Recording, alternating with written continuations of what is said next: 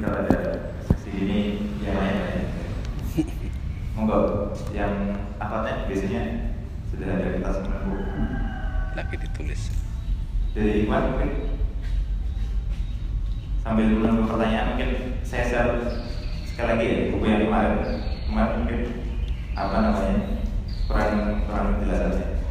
Kalau ada yang mau di zaman sekarang teman-teman sekarang kalau ada yang mau buku tentang psikologi Islam nanti bisa download di link ini ya http titik dua garis miring garis miring bit titik ly garis miring booklet b o o k l e t bukletnya kecil terus kemudian k i p i k i p i nya kapital besar.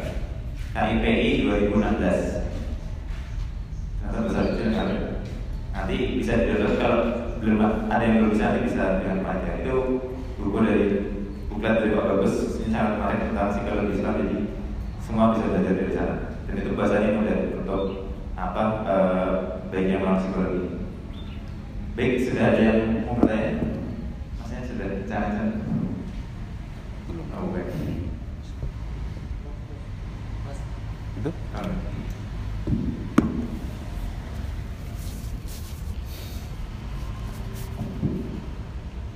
Assalamualaikum warahmatullahi wabarakatuh. Waalaikumsalam warahmatullahi wabarakatuh Bapak nih, saya mau tanya Pak, hmm. apa sih penyebab utamanya kenapa kalau kita lihat orang-orang zaman dulu kan, terutama di masa kemasan Islam zaman Abbasiyah tuh orang bisa ya menguasai berbagai macam keilmuan ya kayak al Khawarizmi itu nggak cuma bisa matematika juga terus Ibnu Sina tuh selain ahli kedokteran juga filsuf kan macam-macam ilmunya tapi kalau kita lihat sekarang kan orang udah ya terspesialisasi lah bisa dibilang malah aneh kalau orang katakanlah orang teknik ngomongin politik atau ngomongin hukum bisa dibilang orang malah itu aneh nah, terus sebenarnya penyebab utamanya itu apa sih pak apa karena industri hiburan yang memang membuat kita itu ya malas untuk belajar lagi atau karena emang sistem pendidikannya yang cuma terlalu banyak tugas dan berfokus pada nilai atau masalah-masalah lain. Terima kasih Pak. Assalamualaikum warahmatullahi wabarakatuh. Waalaikumsalam warahmatullahi wabarakatuh. Eh, baik mungkin perbandingannya gak usah terlalu jauh ke zaman kejayaan Islam ya. Tapi kita bandingkan aja Indonesia dan Jerman misalnya. Karena kebetulan saya ada kenalan profesor dari Jerman. Eh, di Jerman itu orang bekerja itu kadang-kadang seminggu cuma tiga hari. Tapi dia bisa menghasilkan karya jauh lebih eh, hebat, jauh lebih mendalam, jauh lebih anu dari orang Indonesia. Kalau orang Indonesia itu kan selalu kurang waktu untuk bekerja, ya toh? bekerja keras, tapi nggak menghasilkan apa-apa. Jadi sebetulnya itu kuncinya adalah bagaimana kita memanfaatkan waktu yang ada itu dengan sungguh-sungguh ya dengan mendalam secara secara apa istilahnya itu eh, efektif ya sehingga menghasilkan sesuatu. Dan orang Indonesia itu hanya sibuk melakukan apa saja tapi tidak ada hasilnya. Eh, spesialisasi itu spesialisasi itu juga itu sisi yang lain. Tapi sebelum sampai ke sisi spesialisasi itu adalah kita itu tidak fokus. Ya kita tidak fokus. Maunya banyak tapi nggak selesai semua. Ya. Eh, sistem pendidikan kita itu eh, terlalu lama terlalu boros. Ya kan itu sudah sering-sering dikritik ya kurikulum SD itu ter- terlalu banyak pelajaran dan sebagainya. Di Jerman itu SD cuma 4 tahun. Tapi nanti kalau semakin dia spesialis memang jadi membutuhkan waktu. Misalnya eh, SD 4 tahun SMP mungkin 2 tahun. Nanti waktu SMA itu sudah dibagi dua. Ada yang cepat ada yang mendalam. Kalau yang apa gimnasium itu mau ke universitas dia lebih mendalam. Tapi kalau yang vocational yang mau kerja itu lebih cepat sehingga lebih efisien penggunaan waktunya. Ini kalau secara sistemnya tapi kalau di sana mau jadi ahli misalnya dari terapis itu itu tiga tahun pendidikannya. Kalau di Indonesia cuma tiga hari ya toh? Certified terapis itu di Indonesia tiga hari. Tapi kalau SD 6 tahun ya toh? SMP 3 tahun. Jadi agak salah desainnya itu memang. Dan nggak usah ke Jerman lah. Indonesia zaman dulu aja zaman pergerakan Bung Karno itu 17 tahun udah jadi pejuang ya. E, apa generasi ibu bapak saya itu lulus SMP sudah jadi guru dan sudah dewasa gitu. Tapi sekarang kan lulus mahasiswa aja belum dewasa masih ABG lulus S1 ya. Jadi ada kemubadiran dalam menjalani kehidupan itu di tempat kita ini. Sehingga mereka yang bisa berkarya itu sebetulnya mereka yang dalam bahasa istilahnya itu defying the crowd. Jadi mereka yang aneh dalam tanda petik tadi itu yang justru bisa berkarya karena dia tidak mengikuti sistem yang ada. Dia mengelola sendiri waktunya, me, me, me, memperkaya pengetahuannya secara mandiri, jadi otodidak itu malah yang sukses. Biasanya. Bahkan di Amerika pun banyak tokoh otodidak yang lebih sukses ya termasuk Steve Jobs, Bill Gates, Zuckerberg itu kan otodidak semua. Mereka nggak lulus di Harvard itu. Kalau Steve Jobs di Stanford itu universitas hebat semua. Tapi yang lulusan itu yang dari pegawainya semua. Karena sistemnya itu sebetulnya justru menghambat kedewasaan. Nah, kenapa bisa begitu? Karena uh, apa istilahnya itu banyak hal ya ada industrialisasi ada apa istilahnya itu uh, kompromi ya. Misalnya saya dengar kalau di Indonesia itu membuat kurikulum pendidikan itu nanti didesain oleh ada tim kurikulum terus nanti di Kementerian Pendidikan dibahas kompromi terus dari Kementerian Pendidikan dibahas di DPR kompromi lagi jadi bubar semua desain itu kurikulum itu. Ya undang-undang juga gitu. Nanti undang-undang didesain oleh para ahli sudah bagus terus dibawa ke kementerian harus kompromi dengan kepentingan politik bahwa DPR kompromi lagi dengan kepentingan politik yang banyak sekali. Kepentingannya harus diakomodasi semua bubar undang-undang. Nah itu yang terjadi pada undang dasar 45 kita. Undang-undang dasar 45 kita itu sudah bukan 45 karena itu dibuatnya setelah reformasi. Sekarang sudah diubah setelah reformasi sehingga agak kacau itu. Untung Pancasilanya masih selamat. Tapi ini ada indikasi Pancasila juga mau dibongkar, ya. Saya baca, anu, baca ada salah satu uh, Facebooker gitu yang menulis bahwa ini kalau saya saya juga nggak sadar sebetulnya tapi anda coba anda ingat-ingat kira-kira tahun lalu itu tanggal 1 Juni libur nggak ya lalu ada nggak peringatan Hari Kesaktian Pancasila 1 Oktober akhir-akhir ini? Itu kan proses anu deradikalisasi tadi ya, yang membuat kita mau di mau digeser ke mana gitu, secara pelan-pelan tanpa sadar. Saya dengar di kalau anda punya adik yang masih SMP atau SMA itu kalau di buku sejarah Indonesia eh, ada nggak sejarah tentang G30 SPKI masih tulis nggak di situ?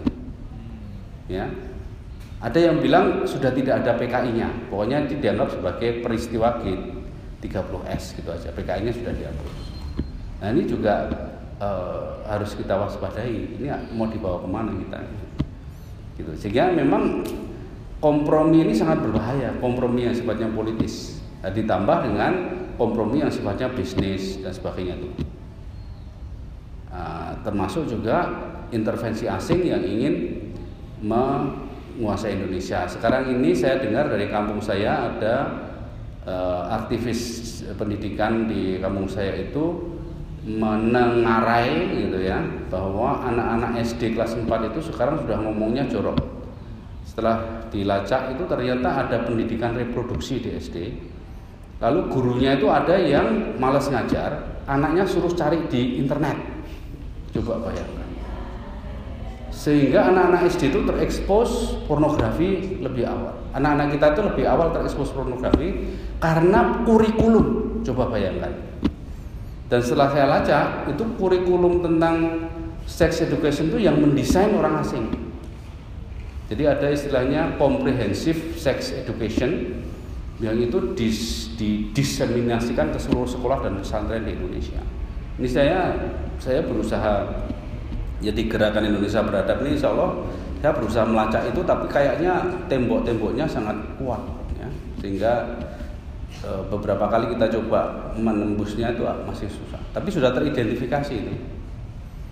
Ya sehingga ada unsur kebodohan kita sendiri ada unsur intervensi asing e, dan macam-macam ya kenapa kurikulum kita tuh selalu berubah-ubah Padahal yang namanya di Jepang, di Jerman, di Amerika itu kurikulum nggak nggak berubah uh, setiap lima tahun atau apa. Mereka hanya di di di di ex, advance ya di apa istilahnya itu di di apa istilahnya ya di upgrade saja ya.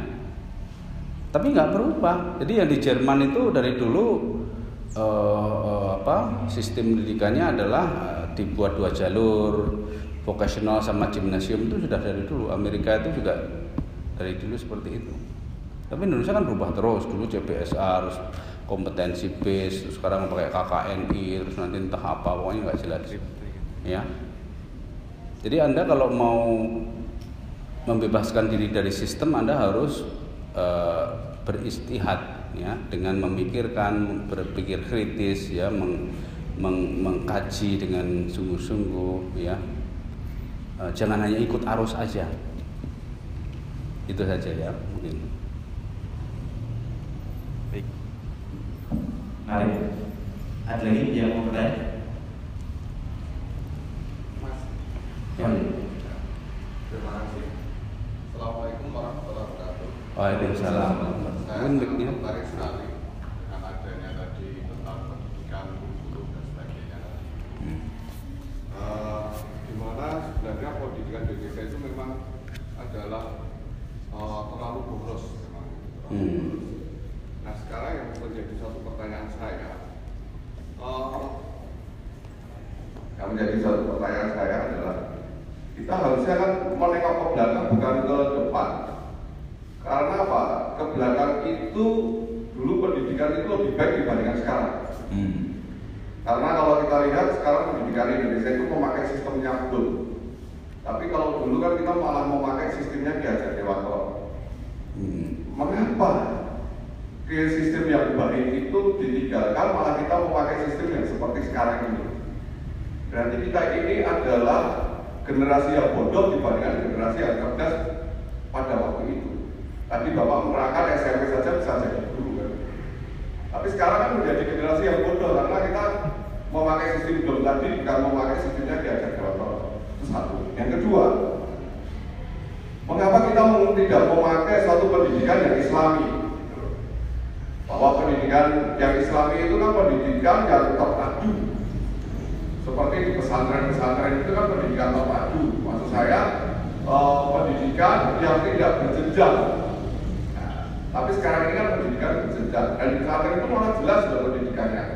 Kamu mau ke mana? Tapi kok mengapa tidak sekarang ini? Berikutnya yang ketiga, tadi Bapak menerangkan masalah ekonomi Islam dan ekonomi liberal, ekonomi komunis dan sebagainya. Mengapa kita itu negara yang kaya raya menjadi negara yang sangat miskin? Seperti contoh, kita setiap hari itu minum aqua. Berarti ini kan kita diperbodoh oleh diri kita sendiri. Airnya air kita sendiri, kita beli dengan mahal, terus uangnya dibawa ke kalau aqua itu dangkal itu dibawa ke Perancis. Nah, mengapa kita bisa seperti ini?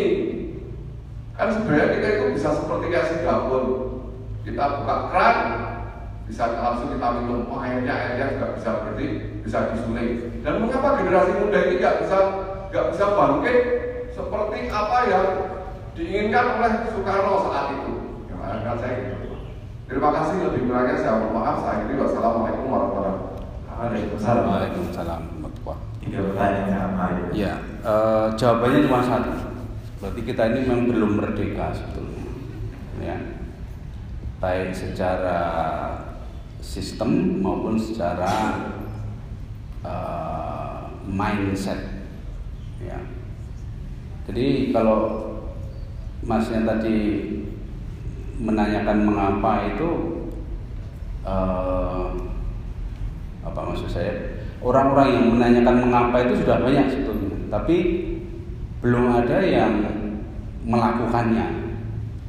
Dan yang namanya pemerintah itu itu uh, agak susah kita hadapkan kita harapkan karena mereka ada sebuah sistem sebuah mesin ya yang sopirnya itu nggak jelas siapa ya jadi um, ini ada ini bukan hanya Indonesia kalau masalah ini jadi yang namanya hubungan internasional itu sebetulnya itu adalah hubungan uh, imperialisme model baru. Jadi negara-negara yang lemah itu pemerintahannya itu dikendalikan oleh negara-negara yang kuat. Ya. Dan Indonesia ini adalah negara yang sangat uh, gurih gitu lah ya.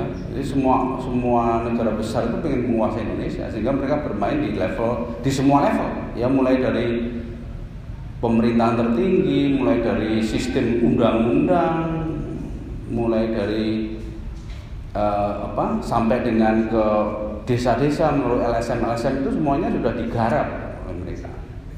Jadi kita ini sebetulnya belum merdeka, gitu. Nah, bagaimana kita bisa memerdekakan diri? Ya harus sabar dan istiqomah tadi harus harus harus istiqomah dan sabar. Artinya uh, kita mungkin membuat kajian-kajian kayak gini kan waktu mahasiswa. Nanti kalau kita sudah bekerja hilang itu idealismenya, hanyut oleh kebutuhan sehari-hari kan. Artinya kita tidak istiqomah. Ya banyak sekali para aktivis yang waktu mahasiswanya itu sangat idealis, begitu masuk ke sistem, ya udah hanyut. Dan sistemnya itu sedemikian kuatnya sehingga sangat menghanyutkan ya sehingga kalau memang kita mau betul-betul memperjuangkan kemerdekaan yang sesungguhnya ya harus mau menderita ya ini adalah jalan yang sulit dan mendaki kita harus punya uh, apa komitmen untuk memperjuangkan idealisme kita dan mengajak Eh, teman-teman seperjuangan yang punya idealisme sama dengan cara yang baik ya marhamah dengan sabar dan selalu selalu menggantungkan diri pada kebenaran dan hanya berharap pada Allah. Jadi jangan berharap pada dana donatur atau pada contohnya ya ini ada pengamatan dari teman saya ahli hukum lembaga bantuan hukum atau LBH itu didirikan oleh para ahli hukum idealis karena itu kan membantu masyarakat tanpa bayaran. Tapi karena sekarang ini agak aneh LBH itu yang di dibela itu kaum LGBT. Nah, tapi dia masih bilang, oh saya mem mem membela tanpa bayaran. Ini agak aneh ini. Artinya apa? Ketika suatu lembaga itu eh, mendeklarasikan dia tanpa minta bayaran itu ada dua kemungkinan. Apakah dia memang mengandalkan diri sendiri atau mengandalkan donatur. Nah, kalau dia mengandalkan donatur, maka yang menyetir adalah donaturnya nanti. Gitu ya. Jadi LSM pun itu masih harus dikritisi seolah-olah dia kan tidak tergantung pemerintah, tapi tergantung siapa? Anchornya siapa itu? Anchornya itu penting harusnya LSM yang yang murni itu dia betul-betul murni dari masyarakat.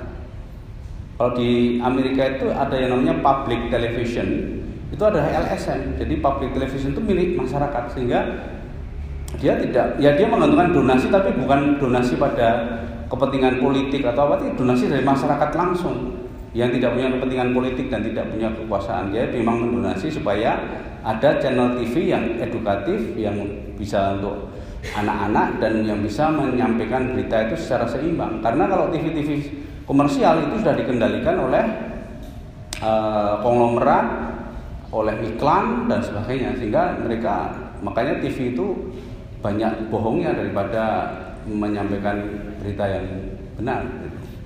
Jadi itu anunya. E, kalau mau e, solusinya ya secara umum kita harus menjaga idealismenya, idealisme kita. Kita jangan mengharapkan dukungan dana dari kekuatan-kekuatan apa finansial yang besar. Kita istiqomah memperjuangkan idealisme mandiri dan menggerakkan masyarakat dibiayai oleh kita sendiri, oleh masyarakat sendiri secara gotong royong, ya. Insya Allah kalau itu bisa berkembang nanti kita bisa merdeka. Sama seperti pergerakan kemerdekaan di tahun 45 itu masyarakat eh, betul-betul mandiri karena tidak ada yang mensupport Indonesia merdeka kecuali memang ada kesempatan oleh Jepang karena Jepang sudah kalah dia nating tulus. Ya udahlah terserah Indonesia mau menentukan nasib sendiri asal tidak dikuasai Belanda lagi kan itu Jepang juga punya sempat apa interest itu. Akhirnya kan kita dengar kisah bagaimana uh, rakyat Aceh menyumbang emas emasnya kepada uh, eh, NKRI ya Bung Karno diberi pesawat ya, pesawat pertama kali yang dimiliki oleh RI itu adalah dari rakyat Aceh ya. Kemudian uh, Sultan Jogja Sultan Sembilan itu masang badan untuk melindungi Bung Karno, Bung Hatta, Pak Harto waktu itu ya. Jadi itu betul-betul asli kemerdekaan Indonesia itu kemerdekaan yang sungguh mulia. Makanya di, di, di apa pembukaan undang dasar 45 kan atas berkat rahmat Allah ya kita sampai pada kemerdekaan kalau Malaysia itu kemerdekaannya didesain oleh Inggris, Singapura didesain Inggris. Indonesia ini betul-betul murni. Makanya semangat kemerdekaan itu harus kita kembalikan. Karena kita ternyata belum merdeka. Gitu ya. Baik. Ada dua kertas lagi yang singkat dulu. Hmm.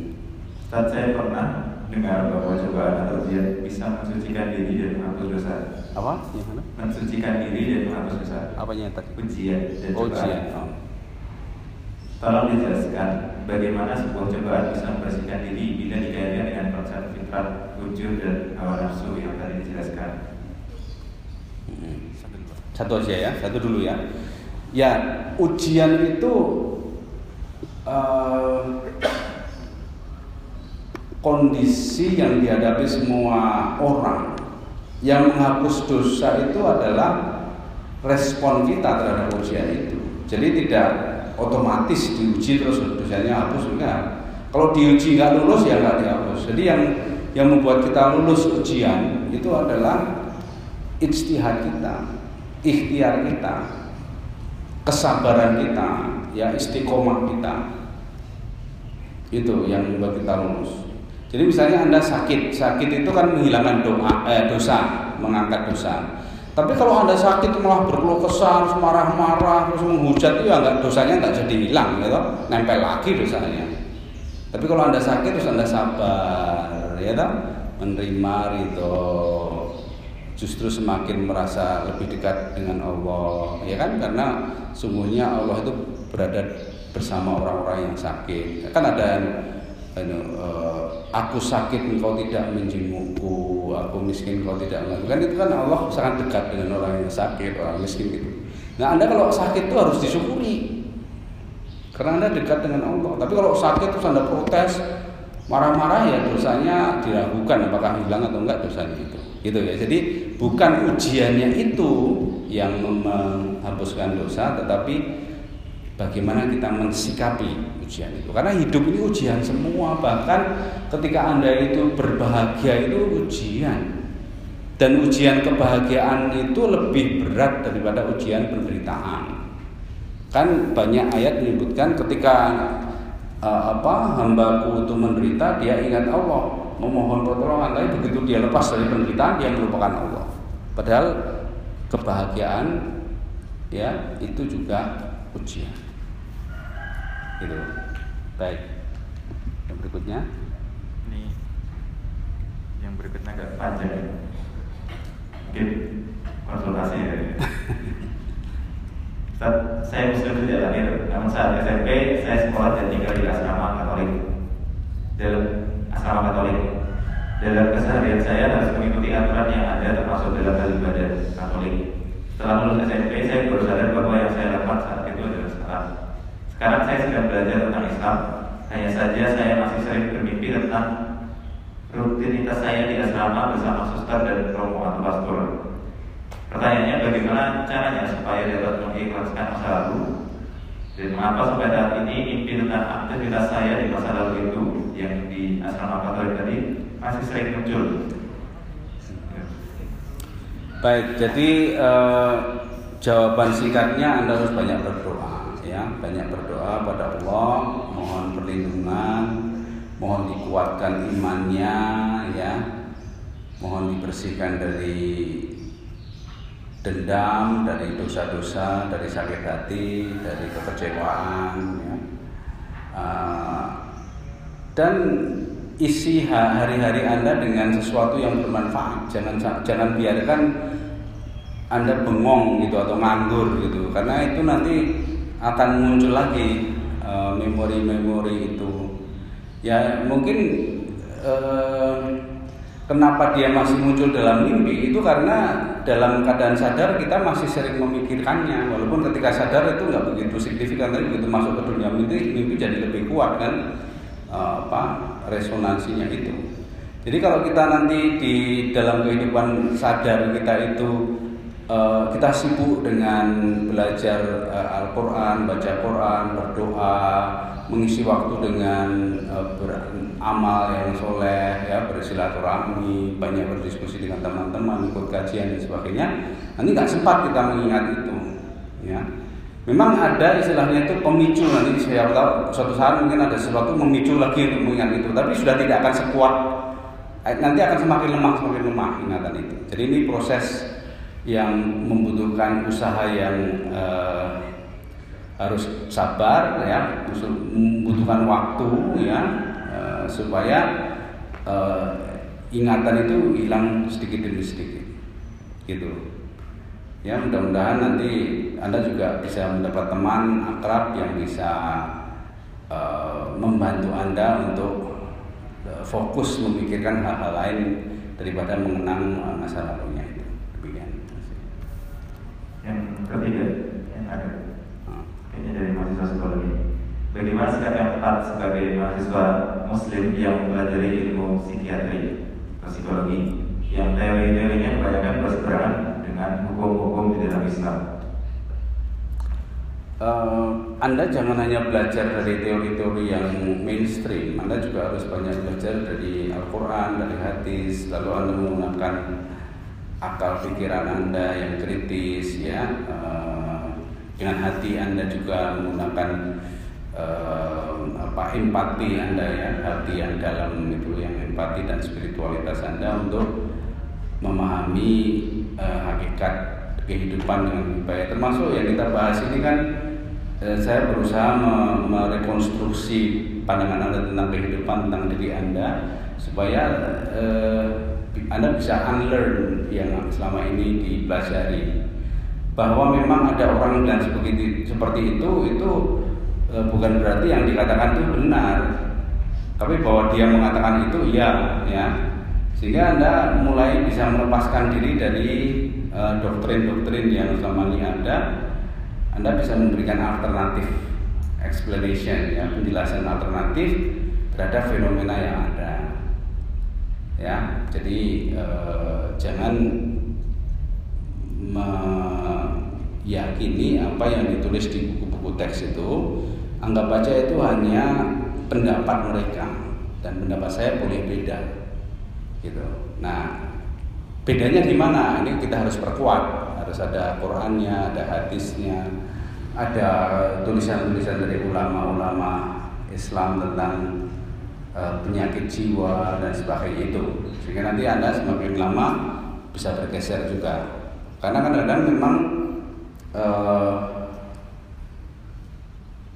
apa yang pertama kali kita pelajari itu melekatnya lebih lama sehingga kadang-kadang susah untuk melepaskannya ya. Misalnya eh, sampai sekarang itu bahkan saya kalau masih eh, kuliah tentang motivasi itu eh, mesti Maslow mesti kebutuhan. Jadi motivasi itu adalah pemenuhan kebutuhan. Padahal itu ya cuma salah satu teori aja. Motivasi itu lebih umum daripada itu. Anda harus harus baca yang lain harus baca kritik terhadap teori yang anda pelajari itu. Ya sehingga anda punya balance. Nah kalau itu sudah balance maka anda bisa membangun lagi. Jadi di, dekonstruksi pokoknya prosesnya itu pertama dekonstruksi dibongkar dulu baru setelah itu dibongkar mulai kelihatan uh, kelemahan dari teori-teori itu lalu anda bisa merekonstruksi berdasarkan uh, pengetahuan anda uh, yang terinspirasi dari Quran dan hadis gitu. Ya. Itu bisa insya Allah bisa. Ada beberapa mahasiswa yang uh, sempat saya bimbing baik formal maupun informal itu saya lihat sudah mulai bisa melepaskan diri dari doktrin-doktrin uh, dari mainstream tadi. Baik, satu lagi. Oh dua. Oh dua lagi. Ya. Yang Hari ini Sabtu libur. yang ini dari yang kedua. Masih mau. Nanti batasnya sampai sebelum jam delapan kan. Coba ada acara Kajian selanjutnya. lagi ya. Assalamualaikum warahmatullahi wabarakatuh. Waalaikumsalam warahmatullahi wabarakatuh. Ya, terima kasih atas pertanyaannya. Jadi saya eh, pertanyaannya begini Pak. Tadi Bapak menjelaskan bahwa kita liter manusia itu adalah eh, salah satunya itu kita serakah atau serakah ini udah mendarah daging tadi. Jadi eh, ini contohnya seandainya kita memimpin suatu perusahaan. Jadi perusahaan ini mana masih mungkin masih awal masih startup tapi kan memang kita punya rencana jangka panjang dan yang pasti kan harus ada ekspansi sehingga kita eh, berkewajiban untuk membesarkan perusahaan. Nah, sebatas mana kita mungkin nilainya tidak dianggap serakah. Eh, maksudnya kan untuk membesarkan perusahaan yang jelas ekspansi dan profit harus uh, bertambah. Itu aja pertanyaan saya. Terima kasih. Assalamualaikum warahmatullahi wabarakatuh. Waalaikumsalam warahmatullahi wabarakatuh. Eh, sebetulnya itu adalah suatu mindset ya. Jadi kita tidak bisa eh, apa istilahnya itu. Kalau mindset kita belum berubah, kita mungkin agak susah itu membayangkan bagaimana. Tapi saya saya beri ilustrasi gini. Kakak ipar saya itu kan dia eh, konsultan gitu ya, konsultan organisasi SDM lah, konsultan SDM itu eh, ketika beliau diangkat menjadi eh, manajer itu pihak apa eh, perusahaannya memberikan target-target gitu. Kamu target harus bisa omsetnya 2 miliar tahun ini gitu. ya gimana caranya? Pokoknya targetnya omsetnya naik menjadi 2 miliar lalu kakak kakak saya kak ipar saya itu bilang saya nggak nggak nggak pakai target-targetan. Saya pokoknya mau bekerja dengan sebaik mungkin. Saya tidak akan mengejar target ya toh. dan e, kalau tidak mau ya udah pilih orang lain aja gitu. Dan apa yang terjadi? Justru penghasilannya melampaui targetnya itu. Karena dia tidak peduli apa bukannya tidak peduli dalam arti tidak tidak anxious ya, tidak cemas dengan target itu dia fokus pada bekerjanya. Gitu tidak tidak hitung-hitungan. Misalnya oh, sekarang udah bulan ketiga udah berapa ya? Bukan gitu tapi setiap saat itu ya kaidah warakta fangsok itu kailah rugi itu. Sehingga yang kita diperoleh itu jauh lebih tinggi daripada yang diharapkan orang lain. Nah makanya termasuk juga misalnya gini uh, seandainya kita kan ada kita dilarang untuk menghitung-hitung harta gitu ya. Mereka dilarang untuk menghitung. Apa sih menghitung-hitung harta itu? Uh, setelah saya amati saya pelajari gitu, ternyata uh, begini. Jadi misalnya gini kita dapat penghasilan katakanlah kalau perusahaan masih startup mungkin ya ini ini yang aja ilustrasi saja. Misalnya kita tahun ini hanya untung 50 juta gitu kan. Terus eh, dalam beberapa transaksi kita eh, mengalami kerugian misalnya gitu. Terus karena wah ini terus kita kerugian itu membuat kita jadi cemas. Terus dihitung-hitung jadi seandainya kemarin itu kita nggak rugi harusnya kita omset kita sudah sekian. Kita harusnya sudah bisa ini ini tapi karena kemarin rugi ya itu kan berarti ngitung-ngitung. Nah eh, senior saya itu juga dia meran konsultan gitu. Dia itu eh, kadang-kadang ada klien yang nggak bayar ada klien yang eh, apa nawarnya itu sangat rendah misalnya di, di apa fee-nya itu katakanlah 100 juta dia nawarnya cuma 50 juta misalnya gitu. Tapi dia santai aja. Ya udah oke okay, jalani jalani. Dan akhirnya apa dia berkembang jadi artinya uh, ini uh, terkait dengan switching dari ekspektasi menjadi hope tadi switching dari target yang mengancam, yang mengekang, yang mencemaskan menjadi uh, usaha yang sungguh-sungguh yang tanpa harus dikejar-kejar oleh ekspektasi. Us usaha sungguh-sungguh yang selalu optimistik, selalu penuh harapan dan tidak uh, tidak cemas dengan hasil dan sebagainya. Dan bahkan ketika ditipu pun juga nggak apa-apa gitu. Jalan terus, jalan lagi, usaha lagi gitu ya jadi ini masalah mindset bukan berarti nggak boleh melakukan perencanaan bukan perencanaannya boleh aja rencana tapi nggak usah membebani kita ya mindsetnya itu harus ikhlas harus ikhlas itu artinya harus uh, tidak bersyukur tidak berkeluh kesah penuh harap tapi bersungguh-sungguh ya gitu baik berikutnya mungkin Assalamualaikum warahmatullahi wabarakatuh. Waalaikumsalam. Uh, tadi uh, apa ya, ke masalah yang desain pendidikan Indonesia yang salah tadi. Hmm. Uh, apa ya? Kan dengan desain pendidikan yang salah tadi yang enam tahun, tiga tahun, tiga tahun yang yang memubazirkan masa atau usia manusia di Indonesia nanti suatu kali kan saya atau uh, banyak dari kita di sini mungkin uh, cita-cita jadi bapak atau orang tua gitu. Hmm. Kita uh, saya saya sendiri dan kita semua juga pasti ingin uh, agar anak itu uh, menjadi manusia yang bermanfaat.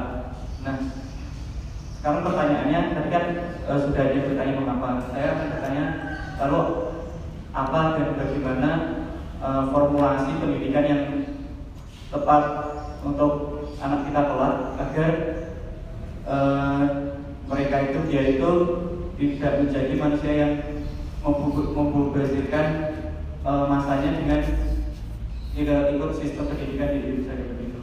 Jadi sebagai orang tua itu pendidikan yang agar membesarkan uh, anak kita sebagai manusia yang bermanfaat. Iya. Baik, um, memang tidak gampang. Ya, memang tidak gampang dan kita harus uh, berani menghadapi ketidakpastian itu. Saya mungkin akan memberikan contoh uh, Ustadz Adian Husaini itu anaknya tujuh, ya.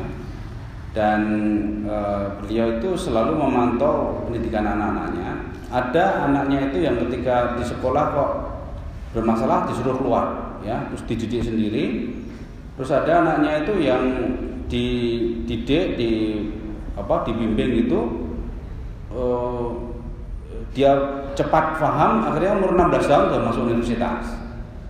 Ya, ada yang dimasukkan bontor ya yang mengikuti sistem bontor nanti begitu lulus diarahkan ke mana. Dan beliau juga memikirkan sistem pendidikan yang efisien. Misalnya contohnya beliau mempunyai ide ya belum belum menjelaskan baru ide mendesain mendidik wartawan profesional itu cuma dua tahun saja cukup. Uh, yang diajarkan yang pokok-pokok saja uh, bahasa Inggris pelajaran menulis praktek sudah jadi wartawan. Jadi nggak usah jadi sarjana komunikasi 4 tahun itu juga kalau lulus cepat kalau nggak lulus cepat bisa enam tahun dan sebagainya terus nanti harus kursus lagi kelamaan ya jadi lebih fokus ke sana. Dan juga eh, beliau mendirikan semacam pesantren gitu namanya Saulin.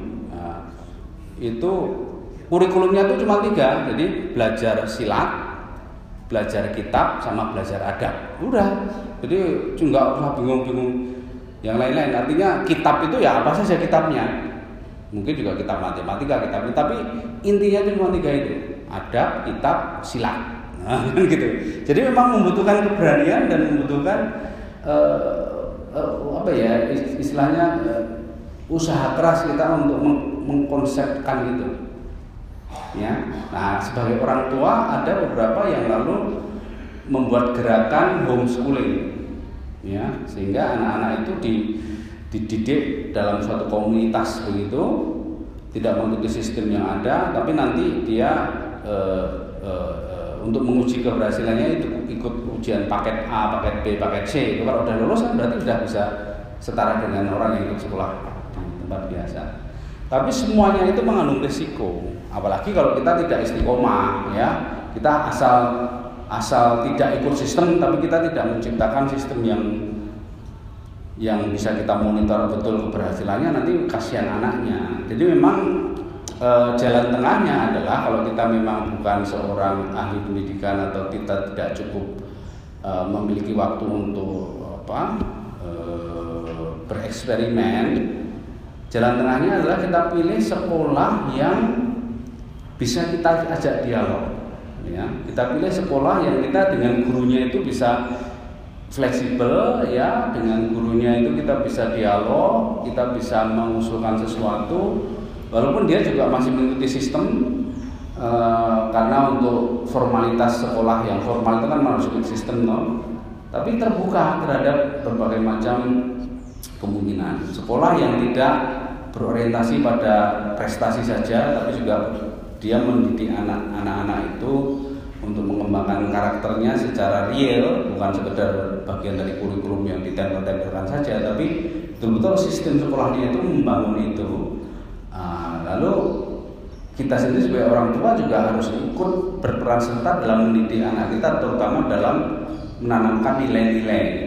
Sehingga dalam proses dia mengikuti pendidikan itu dia juga mendapatkan eh, apa pen- pendidikan tentang nilai-nilai keislaman dan kebenaran dan sebagainya dari orang tuanya sehingga anak itu utuh.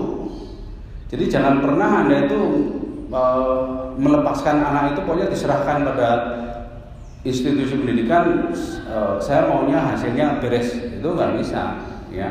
Karena semua sistem itu masih ada kelemahannya.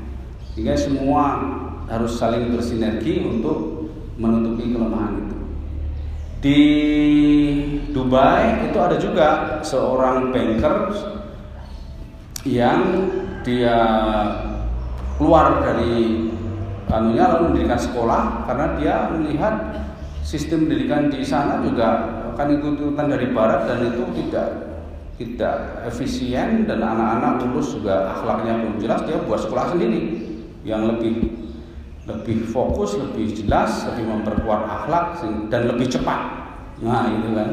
Nah, itu karena dia memang punya modal dan dia punya idealisme dan dia bisa uh, apa istilahnya mendesain itu dan mampu melaksanakannya. Nah, kalau kita bisa ketemu orang yang memang seperti itu punya idealisme dan bisa dan kita bisa berdialog dengan dia, bisa aja nah kita kita masukkan sistem itu. Ya, tetapi kalau kita sebagai orang tua ini sebagai usaha minimalis paling tidak kita harus kenal dengan guru-gurunya, dengan yayasannya, uh, idealismenya bagaimana, lalu keterbukaannya sejauh mana sehingga kita enak ketika kita membicarakan anak itu kita menjadi satu tim yang tidak saling uh, apa berseberangan tapi bersinergi untuk mendidik anak kita. Gitu ya. Jadi memang tidak mudah, tapi bisa kita usahakan. Baik, kita cukupkan uh, pertemuan kita pada pagi hari ini. Di banyak pertanyaan yang lain, memang kalau dijawab dalam waktu yang singkat mungkin masih kurang, sehingga nanti